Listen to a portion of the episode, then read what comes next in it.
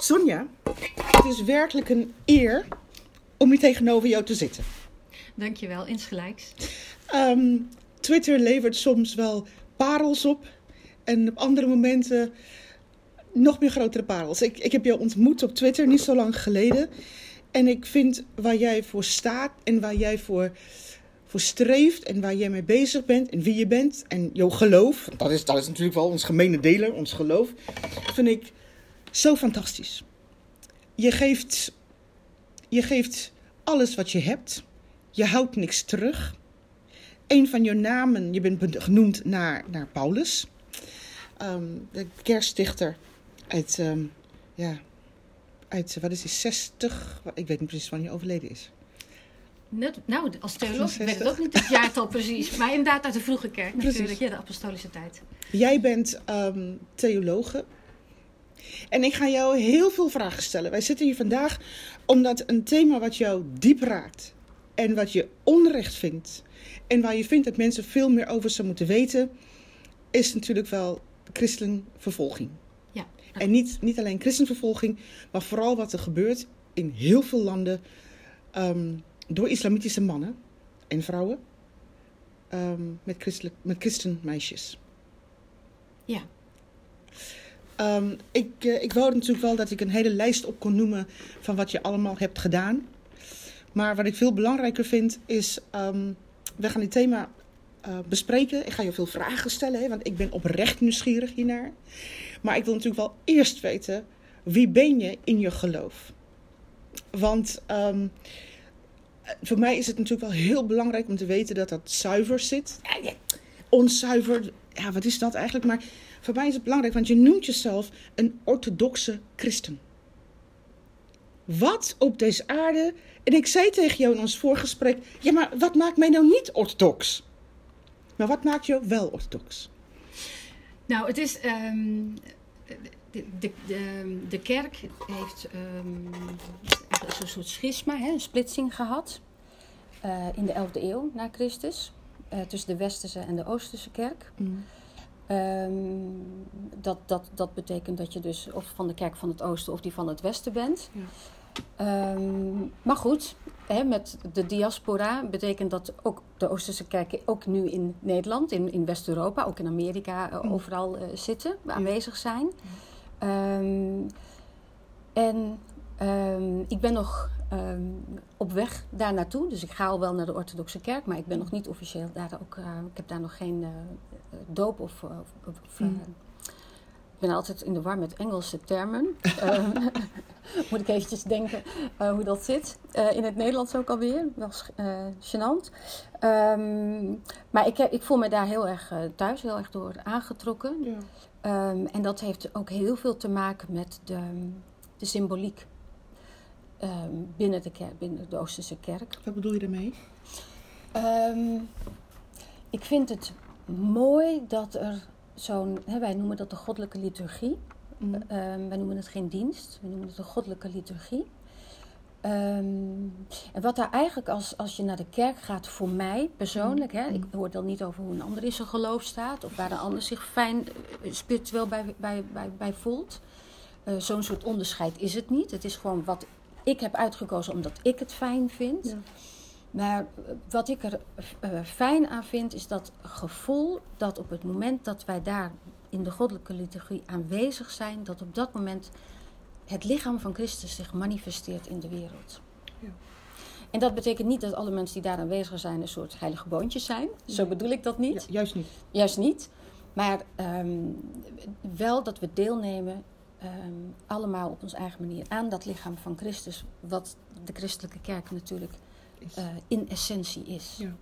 En, en um, ja, wij, wij hebben daar dus uh, hele oude um, rituelen voor. Mm. He, de, de, Oosterse kerk heeft minder um, vernieuwingen of modernisering, of hoe je het ook noemen wilt, ja. uh, doorgemaakt. Ja. En daar voel ik mij heel erg bij thuis. Vind je dat, um, ik ga je in de reden vallen, ervaar je dat als, als puur, als dichtbij, als echte in, uh, in het begin van, van de christelijke geloof? Nee. Nee, ik zie het echt als iets waar ik mij thuis voel. Oh, fijn. Ehm, zonder ehm, ook maar iets af te willen doen aan ehm, een rooms-katholieke of een protestantse of een evangelische Ja. of eh, wat voor andere Ja. denominaties ook. Ja. Het is gewoon mijn. Iedereen heeft natuurlijk zijn eigen weg met God. Ja. Ehm, maar voor mij is het belangrijkste, wat ik net al zei, dat lichaam van Christus. Daar horen wij allemaal bij. Zeker. Daar mogen we allemaal deel van uitmaken. Ja. Alle gelovigen. Alle gelovigen in Christus. Ehm, dus het is absoluut geen waardeoordeel. Nee. Het is waar ik mij spiritueel fijn bij voel. Nou, dat vind ik heel fijn, want uiteindelijk is het natuurlijk wel zo, waar komen wij samen? Wij komen natuurlijk wel samen bij de kruis. Ja. Dat Jezus voor ons zonde is gestorven, Ja. dat hij opgestaan is op de derde dag en dat, wij, ehm, dat hij de enige weg is naar de Vader, naar de hemel. Ja. Maar hij is ook degene die regie neemt over ons leven als wij dat geven aan hem. Dus het is, ehm, het is absoluut niet geforceerd, het is vrije wil. Wel geholpen natuurlijk door de geest. Door de Heilige Geest. Ja, uiteraard. Want Ja. we hebben genade. Niks is verdiend. Wij, er is niet wat wij verdienen. Maar wij krijgen dus genade van ons schepper.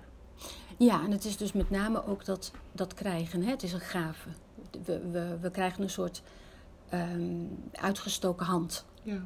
van God. Maar, wij, maar ieder mens Ieder mens. krijgt Ja. een uitgestoken hand Ja. van God. En is, eh, heel veel mensen pakken dat hand niet. Omdat er natuurlijk wel heel veel dingen ehm, in hun ogen worden gestrooid. Om juist die hand niet te kunnen zien. ja, en het is natuurlijk ook die uitgestoken hand eh, van, van, van God. Mm. betekent natuurlijk ook, en dat vinden misschien mensen ook in onze moderne tijd, die heel veel eh, toch wel eh, gekenschetst wordt door in je eigen kracht staan en, de en, ik. en de ik, eh, Ja, hè, zelfontplooiing, Ja. hè, dat je jezelf, het individualisme, precies. noem maar op. Mm. Ehm, terwijl de Bijbel ons natuurlijk leert dat je jezelf af moet leggen Ja. om die, hè, dus, dus die hand neem je aan en daarmee, en in Korinthe staat dat volgens mij ook, ik weet nooit of het nou één of twee eh Korinthe is, maar er staat ook zo'n mooie tekst hè, van ik ben met Christus eh, gestorven en eh, opgestaan. Ehm, maar, maar ja, dat, dat is die uitgestoken hand, maar daar moet je dus ook iets voor afleggen. Hè? Je Ja. eigen ehm, ja, ijdelheid, Oké. je eigen ego, dat soort dingen. Maar Sonja, is het natuurlijk niet zo. Kom zoals je bent, maar je, kan, je zal nooit, als je in Christus bent, blijven zoals je bent. Ja, Want dat is het mooie ervan. ik weet hoe verwarrend het is voor mensen, want ze denken: ik kom, ik, ik wil wel, ik wil God ontmoeten, maar dan wil ik eh, vooral eh, mezelf blijven. Want dat is heel belangrijk, hè? jezelf blijven. De, de zelf wordt alweer zo groot gemaakt, maar de- je, je ontvangt zoveel meer. Als je bereid bent te zeggen: laat, laat God mijn weg. Want voor de tijd en ruimte bestond, heeft God je al bedacht. En hij had een weg met je, hij had een bedoeling voor je leven. Laat die bedoeling nou tot uiting komen.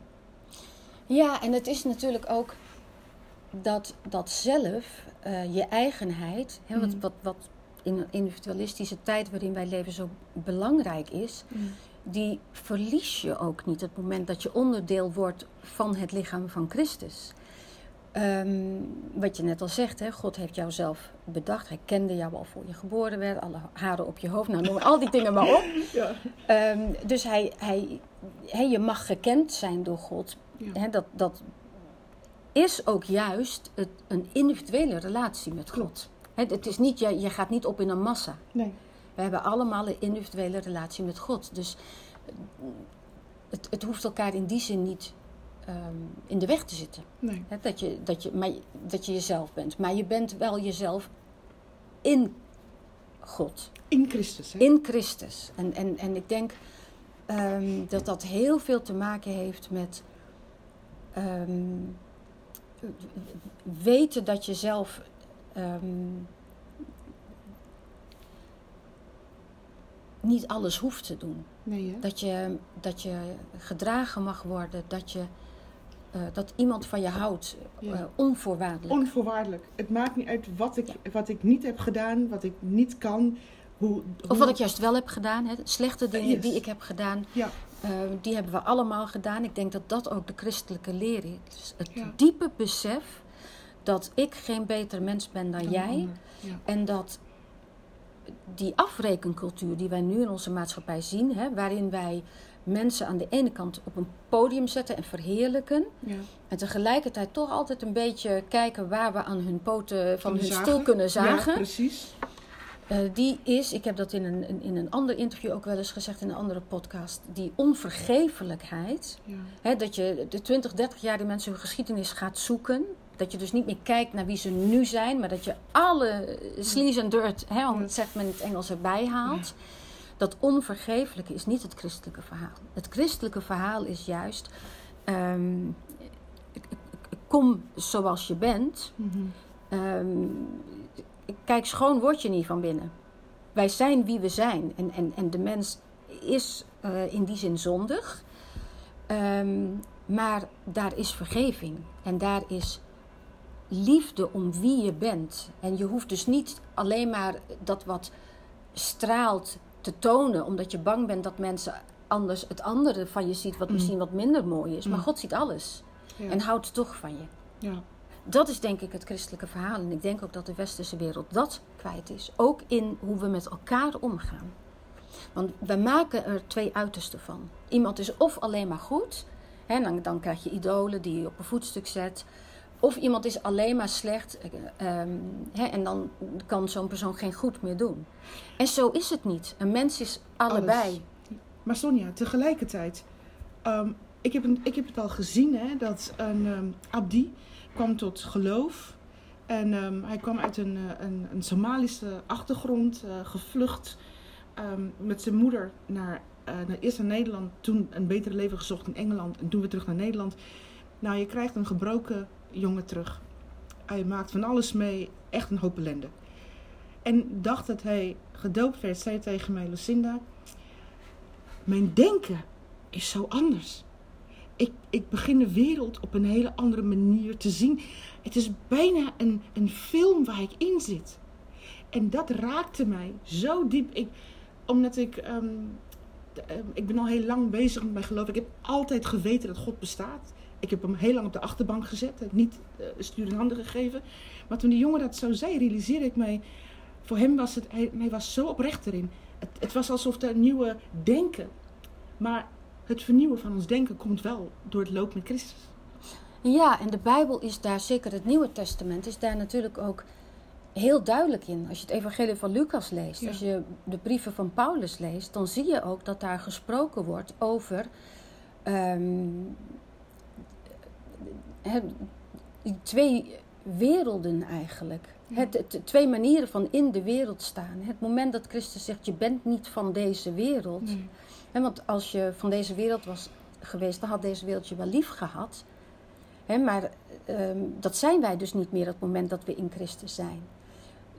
Dus ik, ja, dan krijg je ook een andere blik. Want het moment dat je daarbij hoort, kijk, daar is ehm, voor, voor christenen natuurlijk altijd in de loop der eeuwen ehm, die, die, die, die- dat spanningsveld geweest. Dat, dat zie je al in de tweede, derde eeuw na Christus Ja. hè, van eh, het, het spanningsveld van in deze wereld staan, waar, waar we in worden geboren, Ja. tot leven komen en tegelijkertijd. Geboren, hè, tot leven komen doe je pas op het moment dat je geboren bent met de geest. Ja, Zo, Heel mooi. sorry. Ja, ik zit er wel een beetje scherp in, sorry. nee, dat moet je ook vooral doen. Eh, moet je ook vooral doen. Nee, nee, nee. Ik weet, ook, ik weet ook niet alles. Dus het is goed dat, het is goed dat we van elkaar mogen, mogen leren. Ehm, maar dus dat, dat, dat idee dat je dus hier staat, maar tegelijkertijd wordt aangetrokken door. eh, hè, omdat je onderdeel bent, eh, uitmaakt van het lichaam van Christus. Op dat moment heb jij ook dat spanningsveld in je. Want dan zie je beide werelden. Ja. En ehm, daar is ook, het is ook een, een keuze. Want het, het moment dat je daarvoor kiest, weet je ook de consequenties daarvan. Het moment dat je kiest Christus te volgen, Ja. dan weet je ook dat er geen gulden middenweg met deze wereld is. Als je dat zegt, moet ik meteen denken aan de kerk Laodicea. Hoe heet, hoe heet het? Ehm, je hebt natuurlijk wel die zeven kerken in, ehm in openbaring. In openbaring. En nu moet ik denken aan Leo, hoe heet dat? Laodicea. En daar wordt gesproken over, je bent nog warm, nog koud. Was, was je maar, je bent lauw. Ja, was je maar warm. Was je maar warm koud. of koud. Da- Daar moet ik enorm aan denken als je dit zegt. Ja, Het, het is, dat, dat is ook wat, wat, wat, wat Christus zelf natuurlijk zegt. van je zult gehaat worden ehm, om mijn naam. En, en um, dat, dat, dat zie je in de vroege kerk ook. Dat, ehm, dat, dat mensen op een gegeven moment weten, hè, mensen hebben eerst een tijd gedacht dat de terugkomst van Christus dat dat heel spoedig zou zijn. Misschien wel in hun eigen tijd nog. Maar nou, op een gegeven moment krijgen ze door, eh, nou dat kon wel eens niet zo zijn. En dan komen ze dus ervoor te staan, oké, hoe, hoe gaan we dan in deze wereld verder? Hoe, verhouden wij ons daartoe? Moeten wij proberen die wereld te veranderen? Uh, nou, noem maar op. Hè. Je, je ziet dat ook in, in, in, in christelijke teksten uit die tijd. Precies. Uh, bijvoorbeeld in, in, in uh, de herde van Hermas. Hè, wat wat, wat een, een, een, een, een boek is dat pastoraal ook veel in die tijd gebruikt werd. Um, dus ja, dat is natuurlijk ook wat je heden ten dagen ziet. Dat, dat de seculiere wereld bijvoorbeeld ook heel erg drukt met, met zijn eigen verstaan van hoe we met elkaar om moeten gaan. Met zijn eigen verstaan van, van, van wat mensenrechten zijn, eh, wat uh, goed en wat kwaad is, nou noem maar op. En daar eigenlijk niet zo uh, heel tolerant is in, in, in, in, in het kijken naar mensen die daar anders in staan. Sonja, ik ga een sprong maken. Van dit is eigenlijk een, de introductie van wie ben jij als christen. Um, en hoe sta je in je geloof, hoe zie je dat? Maar wat ik, wat, ik, wat ik hoor bij jou is een hoop liefde. En niet denken dat we beter zijn. Want dat zijn we niet. We hebben alleen Gods genade. Um, ervan uitgaande dat je. Wat, wat je zo mooi zei in ons voorgesprek is. Als je als atheïste aan jou. Eh, heb je een gesprek met atheïst. En dan, dan zeggen ze. Um, ga, ik naar de, ga ik dan naar de hel? Eh, maar dan zeg je. Maar als je atheïst bent. dan geloof je niet in hemel of in hel. Dus stel die vraag nou niet. Nou, je mag hem wel stellen, maar ik stel een vraag terug. Ja. Je, je mag de vraag natuurlijk stellen. En dat, dat doen mensen dus inderdaad wel eens. Uh, dan willen ze weten, als je christen bent, dan, dan heeft men toch vaak het idee dat dat over dogma's gaat. Ja. En dat gaat over oordelen. Terwijl het christelijk geloof juist helemaal niet uh, zo van het oordeel in die zin nee, is. Nee, nee. Um, wij hebben natuurlijk wel ideeën over wat goed en kwaad is, maar, maar het is niet een veroordeling van een persoon, van een individu. Dat is ook niet aan ons. Nee, vooral niet, dat gedeelte. Um, maar dat, dat is wel vaak wat mensen denken. En dan komen ze aan met zo'n vraag van... denk jij dat ik naar de hemel of naar de hel ga? Mm. En dan ja, denk ik dat dat een uitgelezen moment is om een wedervraag te stellen. Van als jij niet in God gelooft, Waarom is aarde zo Waarom zou je je dan daar druk om maken? Want als jij niet gelooft in, in het oneindige, als je denkt dat na de dood alles ophoudt, dat er geen God bestaat, geen laatste oordeel. ja, dus, dus dat, ik vind dat juist een, een, een, een, een geweldige opening. Ja, dat klopt. Daar heb je ook wel gelijk in. Ik denk dat iedere vraag over de existentiële vraag in het leven, waar kom ik vandaan, waar ga ik naartoe, wat is mijn doel in het leven, dat het altijd wel hele mooie momenten zijn om, uh, om juist te praten over Christus. Maar dan, dan ga ik je een andere vraag stellen, voordat wij doorgaan naar het thema van vandaag eigenlijk.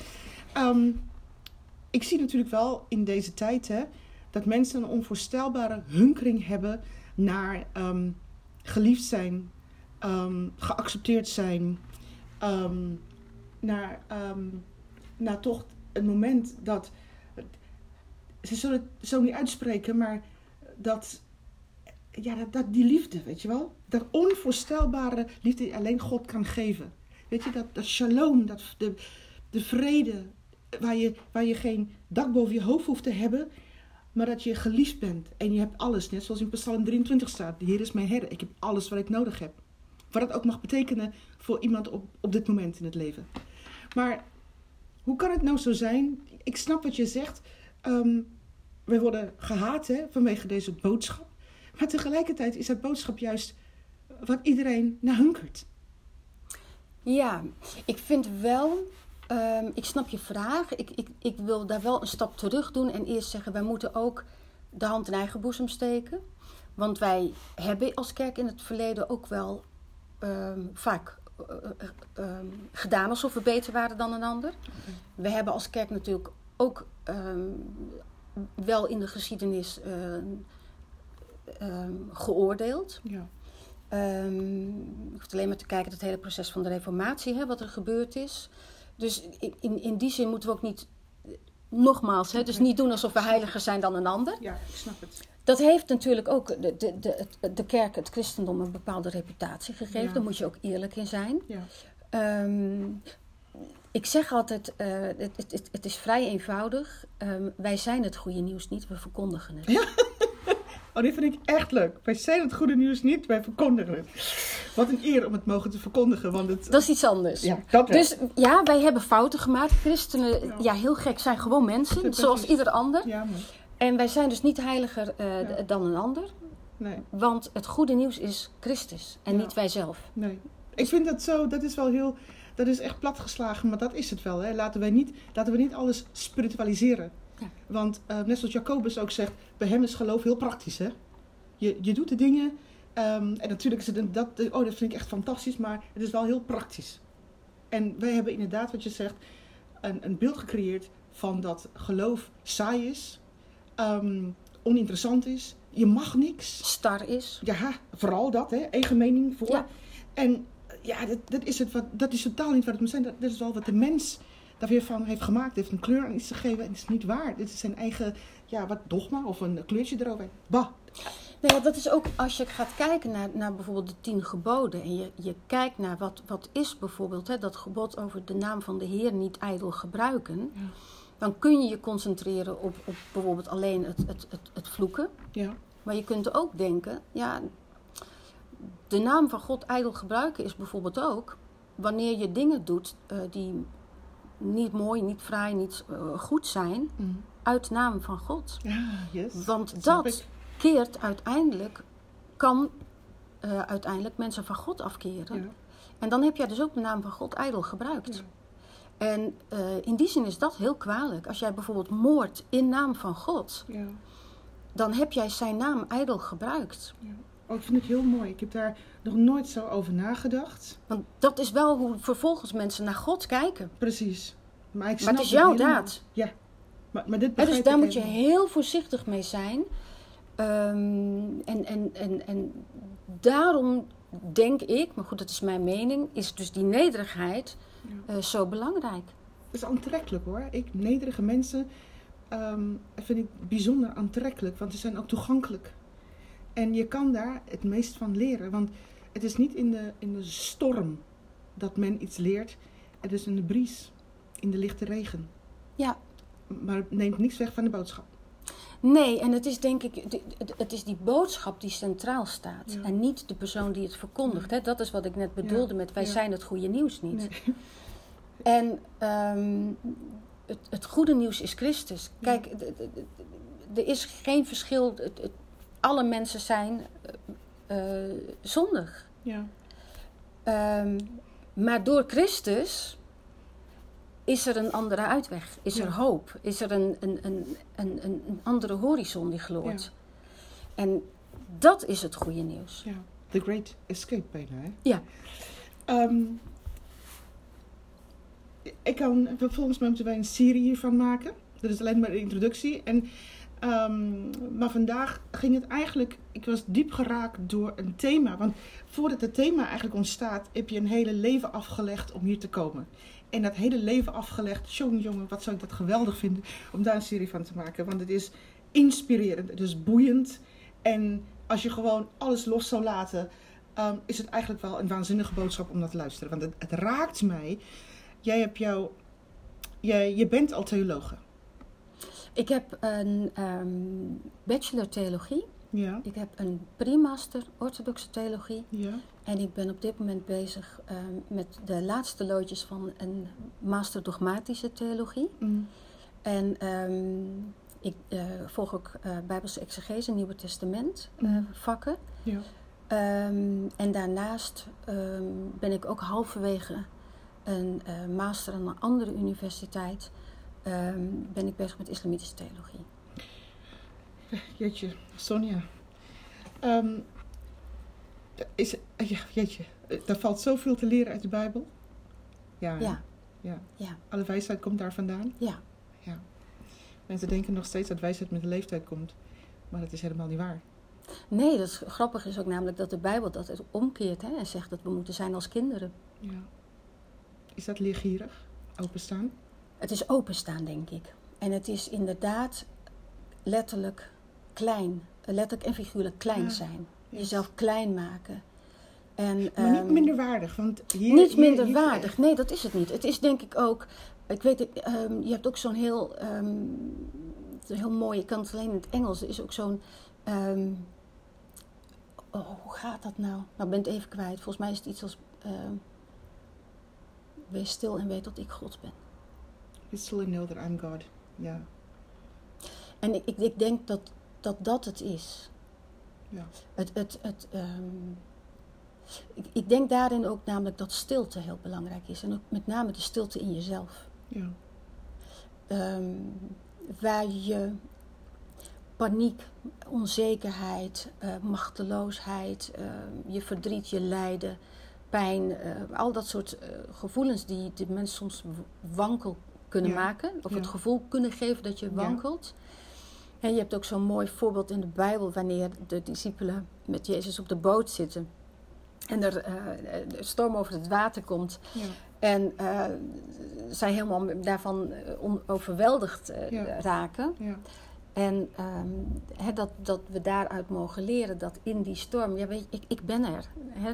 We maken je eigenlijk druk om. Maar daarvoor moet je dus wel ook, ook die stilte Precies. aandurven. En, en ik, we leven natuurlijk best wel in een hele drukke, hectische, lawaaierige tijd. Ja, En, en, en je ziet wel natuurlijk mensen die, die, die behoefte hebben aan meditatie, mensen die aan yoga en al dat soort dingen doen. Mhm. Dus die behoefte aan die, die, die, die Stilte. stilte, dat terugkeren naar je kern, is er wel. ja. Dat, En de vorm. De vorm is altijd misvormd natuurlijk. Hè? Maar, maar hoe je daar komt, ja, dat is denk ik door jezelf klein te maken. Ja. Te weten dat God, Ja. dat God je geschapen heeft. Ja. En dat een God is die zijn oor naar jou neigt. Op het moment dat je denkt, op het moment dat je praat. God neigt altijd zijn oor naar je. Dat, dat beeld is dan zo van, wat zeg je nou? Weet je, zijn oor naar mij neigt. Ja, dat, dat is zo een, eh, dan, dan voel ik me echt een vader. Ja. Dat is een vader die met zijn kind zo, weet je wel. Want ik neig mijn oor naar jou. Dus ik snap dat beeld. Ik heb het ook helemaal voor ogen hoe dat eruit ziet. Daarom is het ook zo belangrijk dat wij weten dat God een vader is, omdat dat ook meteen impliceert dat er onvoorwaardelijke liefde is. Ja. Want ouders houden, als het goed is, hè, niet altijd, maar als het goed is, onvoorwaardelijk van hun kind. Daarom is dat, dat, dat, dat, dat idee van God de Vader zo belangrijk. Ja. Omdat dat dus die onvoorwaardelijke liefde is die, die, die het ouderschap, eh, hè, als het goed is, in, in, ehm, in zich meedraagt. Maar Gods liefde gaat veel verder dan dat. En natuurlijk. Gods liefde gaat nog veel verder dan dat. Maar ik bedoel eigenlijk van het idee dat God niet een vader zou zijn, wat je tegenwoordig hoort. ehm, Echt, daar heb ik echt moeite mee. dat begrijp ik. Dat begrijp ik. Jij maakt jouw, jouw, jouw, jouw thema waar jij echt... eh, ja, je vertelt me zulke mooie dingen. Ik zou, ik zou alles willen delen en vertellen. Maar dat is just too much. Maar wat ik ontzettend mooi vind is... Je vertelde dat ehm, in heel veel landen op dit moment... en Meer ga je me er zeker over vertellen... Worden christenen, jonge christelijke vrouwen... Worden verkracht door islamitische mannen. En ook hun vrouwen en omgevingen werken eraan mee. Laten we alsjeblieft teruggaan naar, is het iets wat, eh, ehm, ik weet dat het heel veel gebeurt. En wat jou ontzettend drijft, is het feit dat daar wordt haast geen aandacht aan geschonken. Nee. Is het ook zo dat christenen de meest vervolgde ehm, zijn op aarde? Ja. Waarom, waarom horen wij dat niet? Waarom, waarom, waarom is het zo dat ehm, de EU heeft besloten om juist islamieten te beschermen? Ik weet niet of ze dat zo besloten hebben. Ik denk ehm, wel dat op de een of andere manier mensen nog altijd niet zien, misschien ook vanuit een idee dat het christendom er toch wel is, misschien ook wel vanuit het idee dat het christendom groot is, hè, dat men nog altijd zo, zo denkt, ehm, daardoor niet ziet dat die kerk ook leidt. En ehm, wij hebben denk ik ehm, ook als kerk, wanneer je daarover eh, spreekt, dat men denkt dat je dat doet omdat je opkomt voor je eigen clubje of zo. Hè, dus dat het iets is van de kerken of van christelijk politieke partijen. Mm. Maar als je gewoon kijkt naar de, de, de westerse samenleving, zoals wij ook hier in, in Nederland met elkaar samenleven, Mhm. ehm, dan zou dat op zich al meer dan genoeg moeten zijn. Als er mensen bedreigd worden, ehm, om wat voor reden dan ook, Mhm. dat we ons dat aantrekken, ongeacht wie we zelf zijn of waar we onszelf bij thuis voelen. Ja, dus de christenvervolging, ja, christenvervolging is geen christelijk dingetje. Het is Nee. geen christelijk thema. Nee. Natuurlijk is het ook een christelijk thema in die zin dat wij samen het lichaam van Christus volgen zoals de Bijbel eh, zijn, vormen, Ja, eh, zoals de Bijbel ons leert. Maar het is niet per se alleen een christelijk thema. Want mensenrechten, het opkomen voor eh, zwakkeren, voor verdrukten. Ja. ja, als je pretendeert als westerse wereld, als westerse samenleving, dat je dat zo hoog in het vaandel hebt, Ja. dan moet je je het ook aantrekken wanneer christenen lijden. Nou is het natuurlijk wel zo, ehm, een paar jaar geleden, eigenlijk niet zo lang geleden, de Jezidische vrouwen, Ja. zijn dat, eh, zijn dat christenen? Nee, dat zijn geen christenen. Ehm, de Yazidis zijn een, een eeuwenoud volk, Mhm. leven in het Midden-Oosten. Mhm. Ehm, die, ik denk dat je echt het woord genocide mag gebruiken daar. Wat zij ehm, niet alleen onlangs door eh, IS, hè, Islamitische Staat in Irak en Syrië, maar ehm, ook eh, al veel vaker eh, hebben zij echt massaslachtingen meegemaakt. En, waarom? Wat is de reden voor die genocide dan?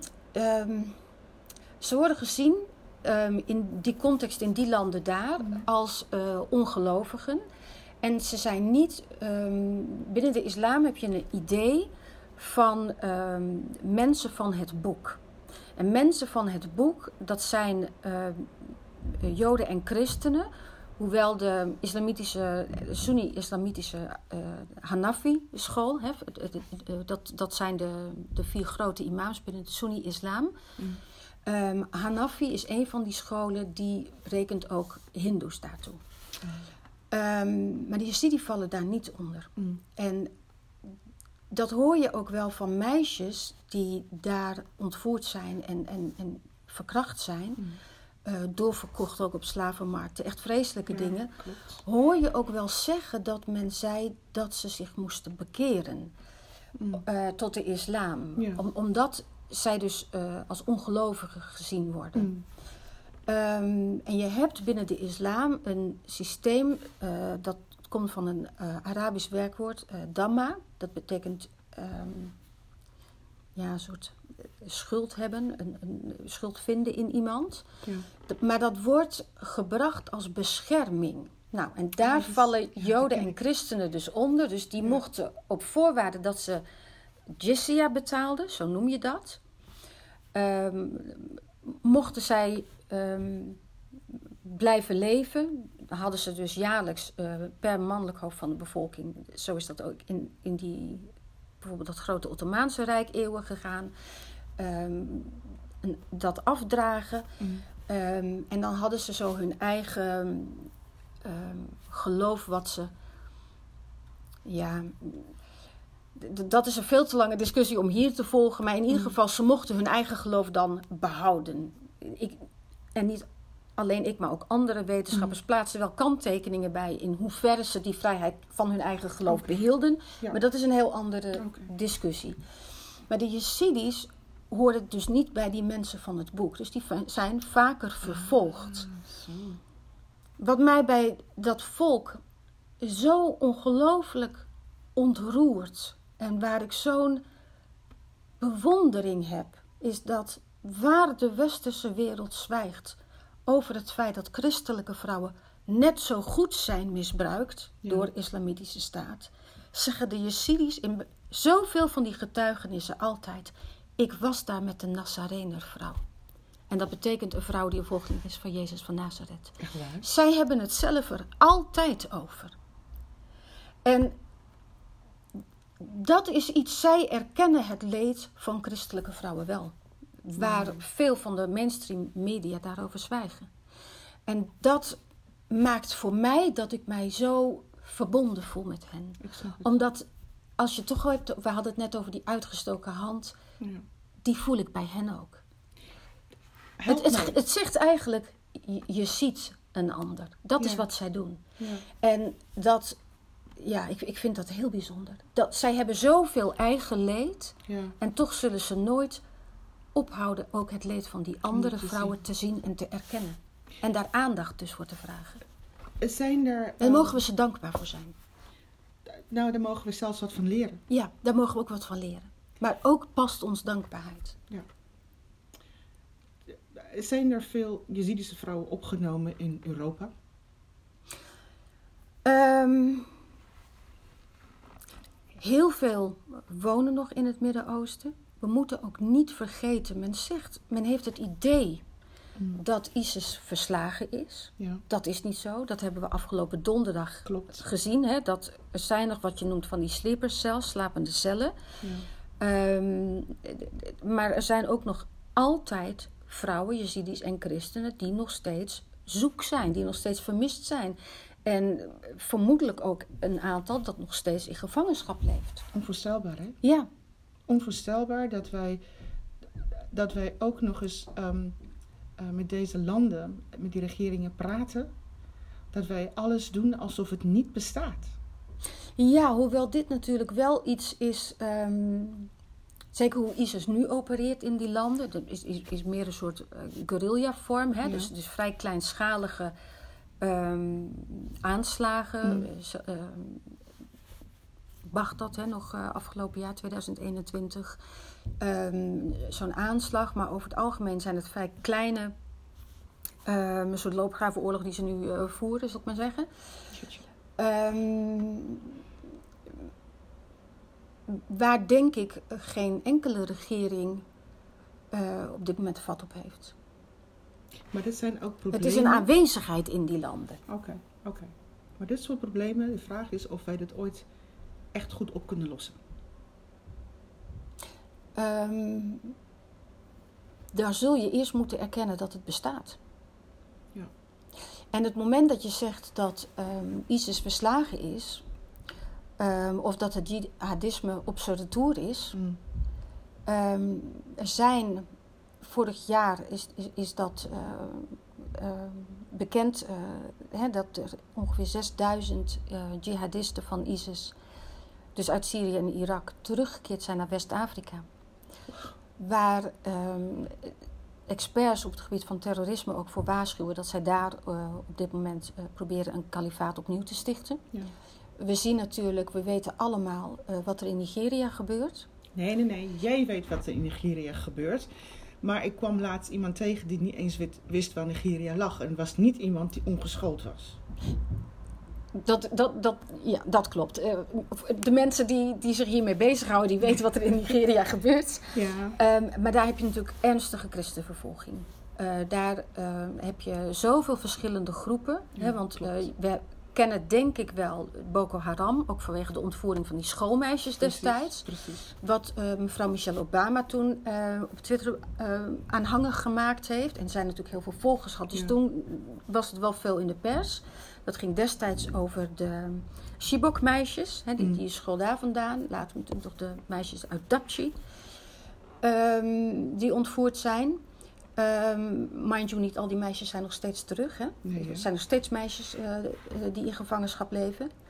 Ehm, maar in Nigeria heb je dus eh, Boko Haram, maar je hebt ook een afsplitsing daarvan. Hè? ISIS, West-Afrikaanse provincie, ISWAP. Ehm, dan heb je nog die Fulani-herders. Ja. Ehm, dus er gebeurt daar heel veel op dit Mm. moment, waar, Mm. waar christenen toch vaak het doelwit eh, zijn van, van eh, geweld. Ehm, vanuit Nigeria, hè, dat grensgebied, dat noem je Sub-Sahara-landen. Ja. Dus, dus Mali, Niger, eh, Burkina Faso, maar ook andere, hè, ook Centraal-Afrika. Je ziet het ook in Cameroen, in, in eh, de Congo, eh, Centraal-Afrikaanse Republiek, eh, in Mozambique, op het, met name om, om en nabij het eiland Zanzibar, Tanzania. Ehm Soudaan, eh, Zuid-Soedan, Somalië, zelfs Egypte, hè, ehm Wilayat Sinaï, die, die, die terroristische organisatie die met name bij de Gazastrook, die buurt opereert. Eh, dus het jihadisme is groot in Afrika op dit Als je, het moment. zo, als je het zo stelt, dan heb je bijna alle landen, Ja, alle grote landen gehad. Ik Ja. miste alleen nog maar een paar. En het, En- is, eh, het is angstaanjagend. Ja, Cameroen nog, eh, echt heel veel landen. Maar dus ook waar christenen vaak doelwit zijn. Oké, nou ga ik je de vraag stellen.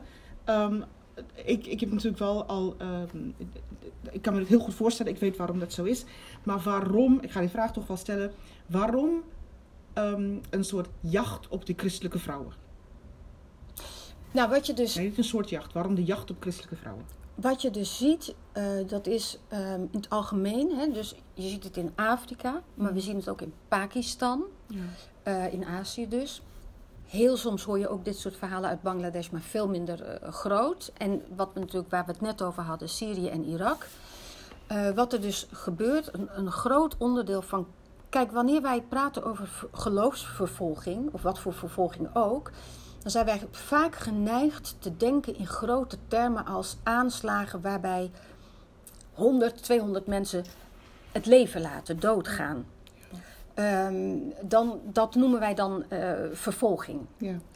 Ehm, kijk wat de ehm Hazara of de, de Sjiïtische eh, moslims bijvoorbeeld meemaken in Afghanistan nu. Dat, Ja. dat er al een aantal keren zo'n grote aanslag op een moskee eh, komt, een Sjiïtische moskee. Ja. Dat haalt dan het nieuws.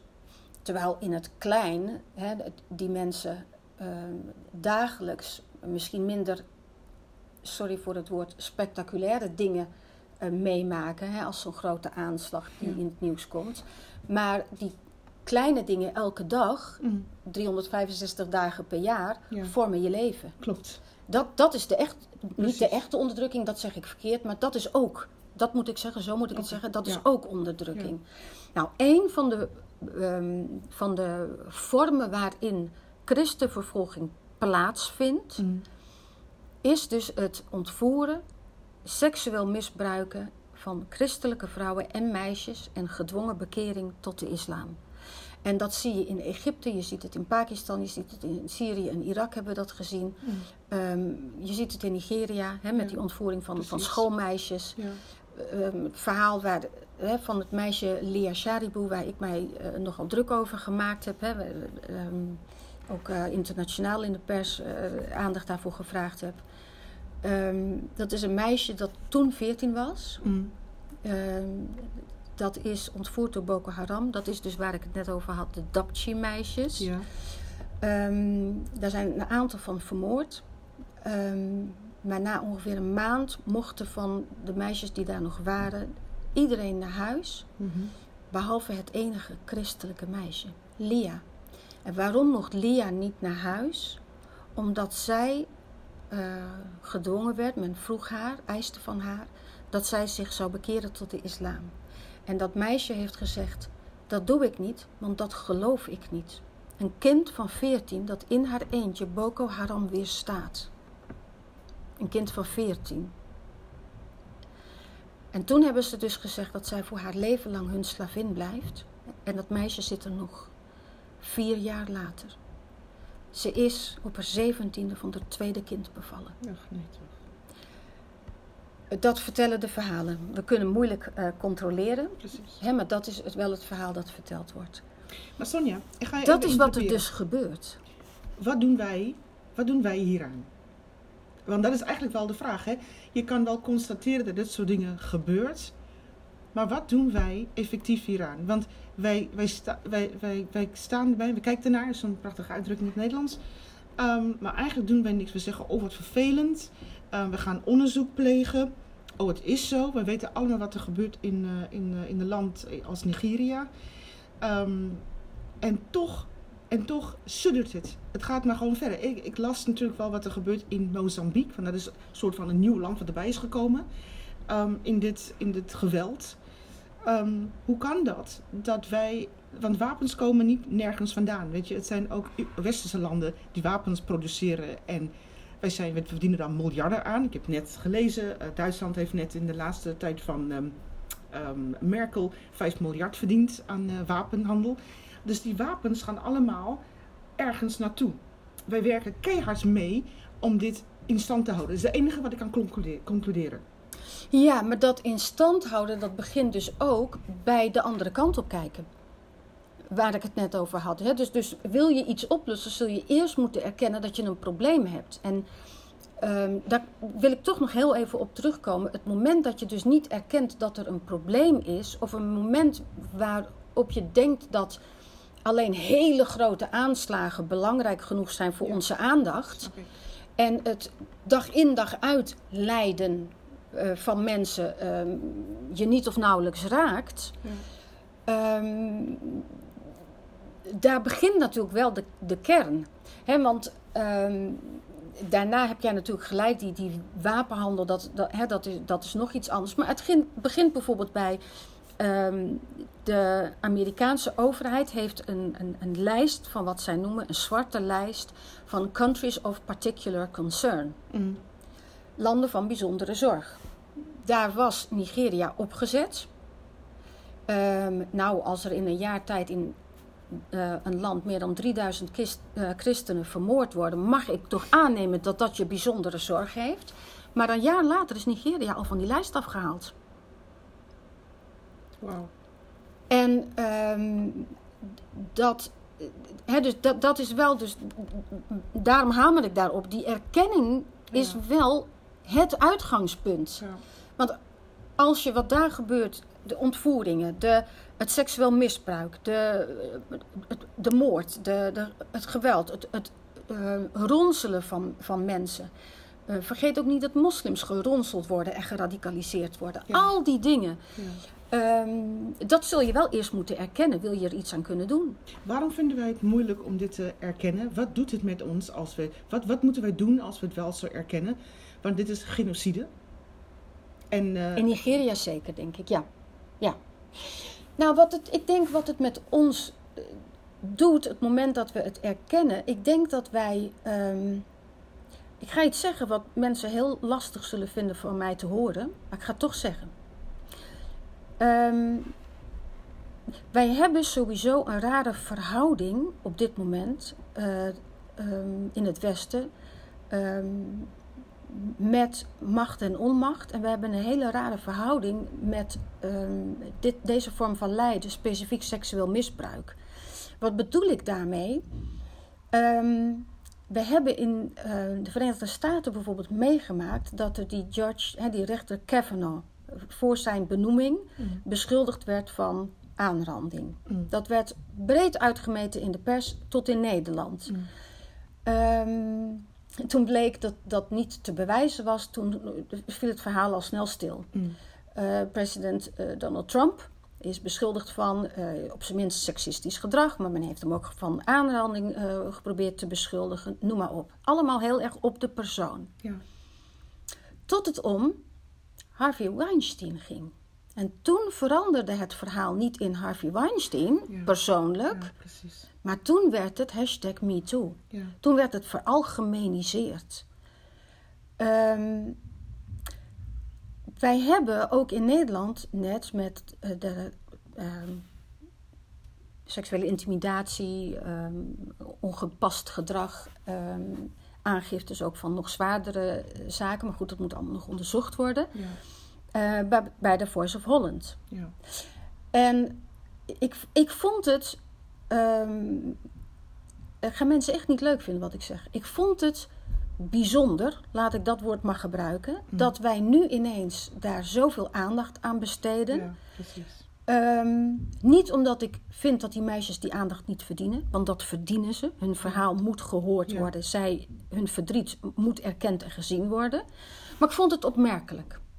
Omdat dezelfde NPO, die Jezidis die verkracht, verhandeld en in sommige gevallen vermoord werden, ongewenst zwangere meisjes noemde. Oh, wow.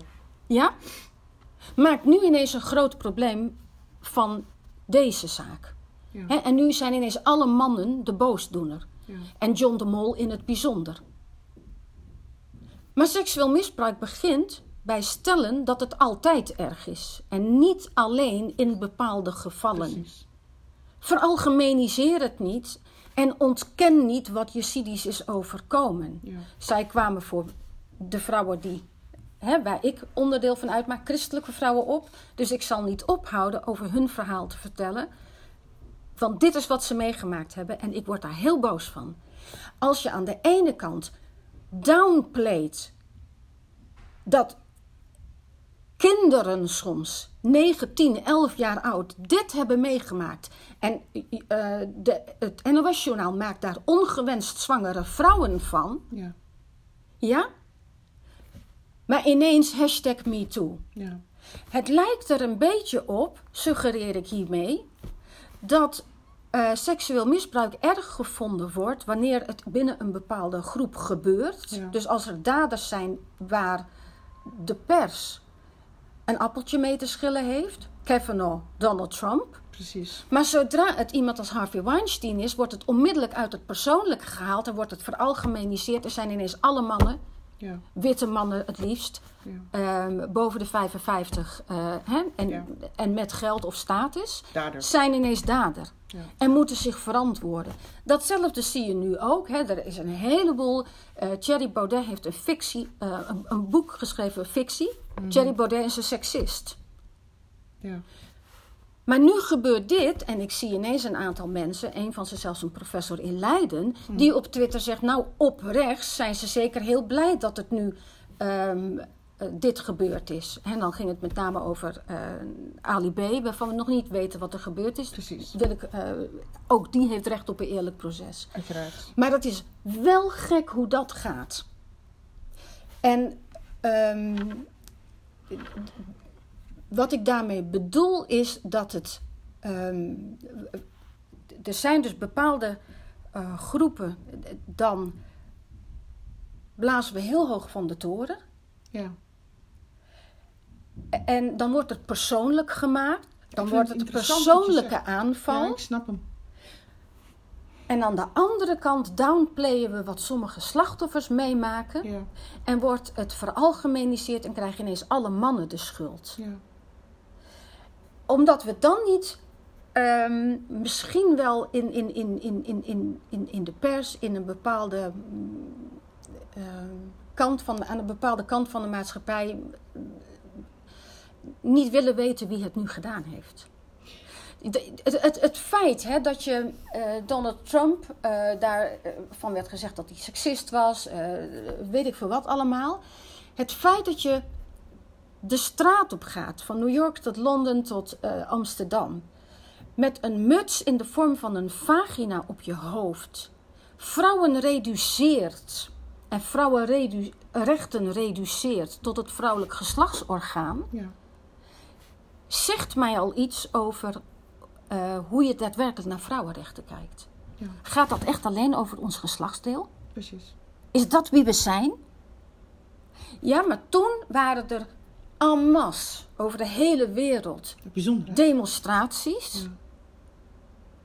Maar de Yazidis zijn volgens het NOS-journaal ongewenst zwangere vrouwen. Dat raakt je diep, hè? Ja, dat raakt me. Ik word daar heel boos van. Het is, het, het, het, ik, ik vergelijk het met dat idee van dat we tegenwoordig ehm, heel veel labels plakken van seksisme, maar ook racisme. Ja, klopt. Ja, maar dat de NPO wel een, een, een divi-bokaal uitreikt aan de NOS-medewerker. Die ehm, ehm, in een maand zoveel mogelijk ehm, mensen zoals jij en ik, hè, wij heten vrouwen van kleur, aan het woord gelaten heeft. Want ja, wij zitten hier nu wel met elkaar te praten. Maar ehm, eigenlijk is toch het idee dat eh, iemand vinden die van kleur is en ook nog vrouw die een beetje leuk uit de woorden kan komen, nou toch wel enorm moeilijk is. Dan denk ik, hier begint het. Haal die balk uit je eigen ogen. We hebben nog een lange weg te gaan, als je dat zegt. Ja, We hebben nog een lange weg te gaan. Ja. Maar er is wel werk aan de winkel. er is werk aan de winkel. Nou, en, en waarom ik dus denk dat dit dus ook iets met, te maken heeft met wat die christelijke vrouwen, maar ook dus je ziet die vrouwen, eh, hindoeïstische meisjes, Sikh meisjes in Pakistan ook, Ja. Eh, dat mogen we ook niet vergeten. Ehm, de- A, het werkt misschien omdat het minder in het nieuws is, dus mensen weten het niet. Het zal ook ermee te maken hebben dat het een dichtbij is en het ander ver van je Snap ik, afstaat. Misschien snap snap ik allemaal. Maar er is dus een soort tendens wel degelijk van wat wij. ehm, laat ik het zo zeggen. Ik, want ik denk dat het daarover gaat. Wanneer je seksueel misbruik wij worden, het wordt wel spannend qua tijd. Oh. We hebben nog vijf minuten. Ik dacht twee uur. Wanneer je seksueel misbruik alleen belangrijk vindt, wanneer jij affiniteit voelt met of dader of slachtoffer, Ja, dan hebben we een heel groot probleem. eh, En absoluut. daar gaat het over. Ja, ja dat, ik vind dat heel mooi dat je dat zegt. Want eigenlijk zeg je, alles wat, dat is, dat is een thema, hè? alles wat de vrouw aangaat, jou als vrouw, als je je ergens hard voor wil maken, dan is het niet cherrypicking. Nee, Dan is het niet, oh die meisjes nu ehm, bij The Voice, zeg maar. Dan is het, er zijn Die heel veel... Ook, ook, absoluut. Maar er zijn wel heel veel vrouwen die lijden. Ja, en het, het is. ehm, ik heb het zelfs voorbij zien komen. Dat een Yazidi jongen, ik, ik, ik zal geen naam noemen, maar die ik volg, waar ik wel eens contact mee heb, Mm. veel bewondering voor heb, iets plaatste in die week. Hè, Ja. Dat dat van de Voice eh, eh, eh, bekend werd. Ja. En dat er daadwerkelijk tegen hem gezegd wordt: daar gaat het nu niet om. Ja. Ja, ook. Het een is niet belangrijker dan het ander. En als je daadwerkelijk om vrouwen geeft, om meisjes Ja. geeft, en daadwerkelijk vrouwen eh, rechten, Rechten, belangrijk precies. vindt, Ja. dan vind je het allemaal belangrijk. Ja. En dan veralgemeniseer je niet wanneer je Ja. denkt: oh, dit is best gênant, want het is onze groep. Maar wordt persoonlijk en haal je keihard uit eh, wanneer het een ander gaat, Ja. om een ander gaat. En, en, en die, die, die christenvervolging, dus die vorm van seksueel geweld tegen christelijke vrouwen en meisjes, ehm, ik denk dat dat daaronder leidt. Maar ik vind het wel mooi hoe je het allemaal samenpakt, weet je wel. Ja, het is een Je tendens in de wereld. Maar je maakt de een eh, niet belangrijker dan de ander. Het is allemaal even belangrijk om de aandacht aan te besteden. Natuurlijk. Maar je moet wel bewust zijn van het feit dat dit bestaat. En je moet wel, eh, je, kan het, je kan het niet parkeren. Je moet er wel iets mee gaan doen. Want ik vraag me altijd af, hè. Ik ben geen feministe. Maar waar bleven de feministen nou op dit thema? Ja. ja, dat is toch raar? Ehm, ik, ja, ja ik, ik, het is een, een kwalijke zaak. Want dat zijn voor mij de strijders. De, dat zijn voor mij echt de, de activisten. Maar als een vrouw echt lijdt, als ze verkocht wordt voor 3 dollar, Ja. 10 dollar. Ja. En ieder man mag, eh, mag, mag Met haar doen wat hij wil, Seks ja. op een dag, eh, alles mag je doen. Dan is er niemand thuis. Ja. Ja, daar, daar, dat raakt mij diep. En ook al zouden we er gewoon over nadenken of anders overdenken, zou het al een stuk overwinning zijn. Ja. En, en daar komt natuurlijk ook nog bij, dat is iets anders, eh, wat ik nog aan wil stippen, dat sowieso in elke oorlog, in elk gewapend conflict, vrouwen en kinderen altijd het zijn. eerst de dupe zijn. Ja. Ook in Afghanistan. ja. Ongeacht. En die kinderen worden het vaakst vergeten. Wanneer wij in het Westen over vrouwenrechten praten, gaat dat vaak over macht. Ja. Een vrouw moet Ja. burgemeester worden of een vrouw moet minister worden. Oh, maar dat is voor de volgende podcast. Daar gaan we het nog over hebben. Want dat vind ik een hele interessante thema. Terwijl ik denk, nee, die vrouw moet eerst veilig zijn, te Ja. eten hebben, een dak boven haar hoofd en Ja. goede gezondheidszorg wanneer ze bijvoorbeeld eh, kinderen baart of Precies. en nou, enzovoort. Daar gaat het om. Dat is waar het om draait. Maar wij vertalen dat naar macht. En daarom bedoelde ik net, wij hebben een verstoorde verhouding tussen macht en onmacht in het Westen. Ik, ik vind dat, dat- echt fantastisch. Dat raakt dit thema. Ik, ehm, ik wil jou danken. De volgende keer gaan we het zeker hebben over macht en onmacht. Wat is dat en wat, hoe was het ooit bedoeld? En wat, wat kunnen wij daaraan doen om dat in ieder geval vorm te geven? Want dat is eigenlijk wel heel belangrijk. Sonja, ik wil je enorm bedanken. Graag gedaan. Volgens mijn eh, app, ehm, mijn podcast-app, is het, eh, is het tijd voor ons om te stoppen. Eh, en ik snap het ook wel. Het moet het moment komen van, eh, van komen en gaan. Maar ik vond het vooral heel inspirerend. Ehm, ik mag zeggen dat ik je ontzettend inspirerend vind. En ik, ik, leef, ik leef mee, omdat het niet iets is van ver weg, maar iets van heel dichtbij. Als één leidt, leiden we allemaal. Ja. En dat is nog niet eens alleen binnen de kerk zo. Nee, Dat zou als mens, als medemens, van mens tot mens ook zo moeten zijn. absoluut. Ik dank jou enorm en ik zie jou snel weer. Graag gedaan. Dankjewel.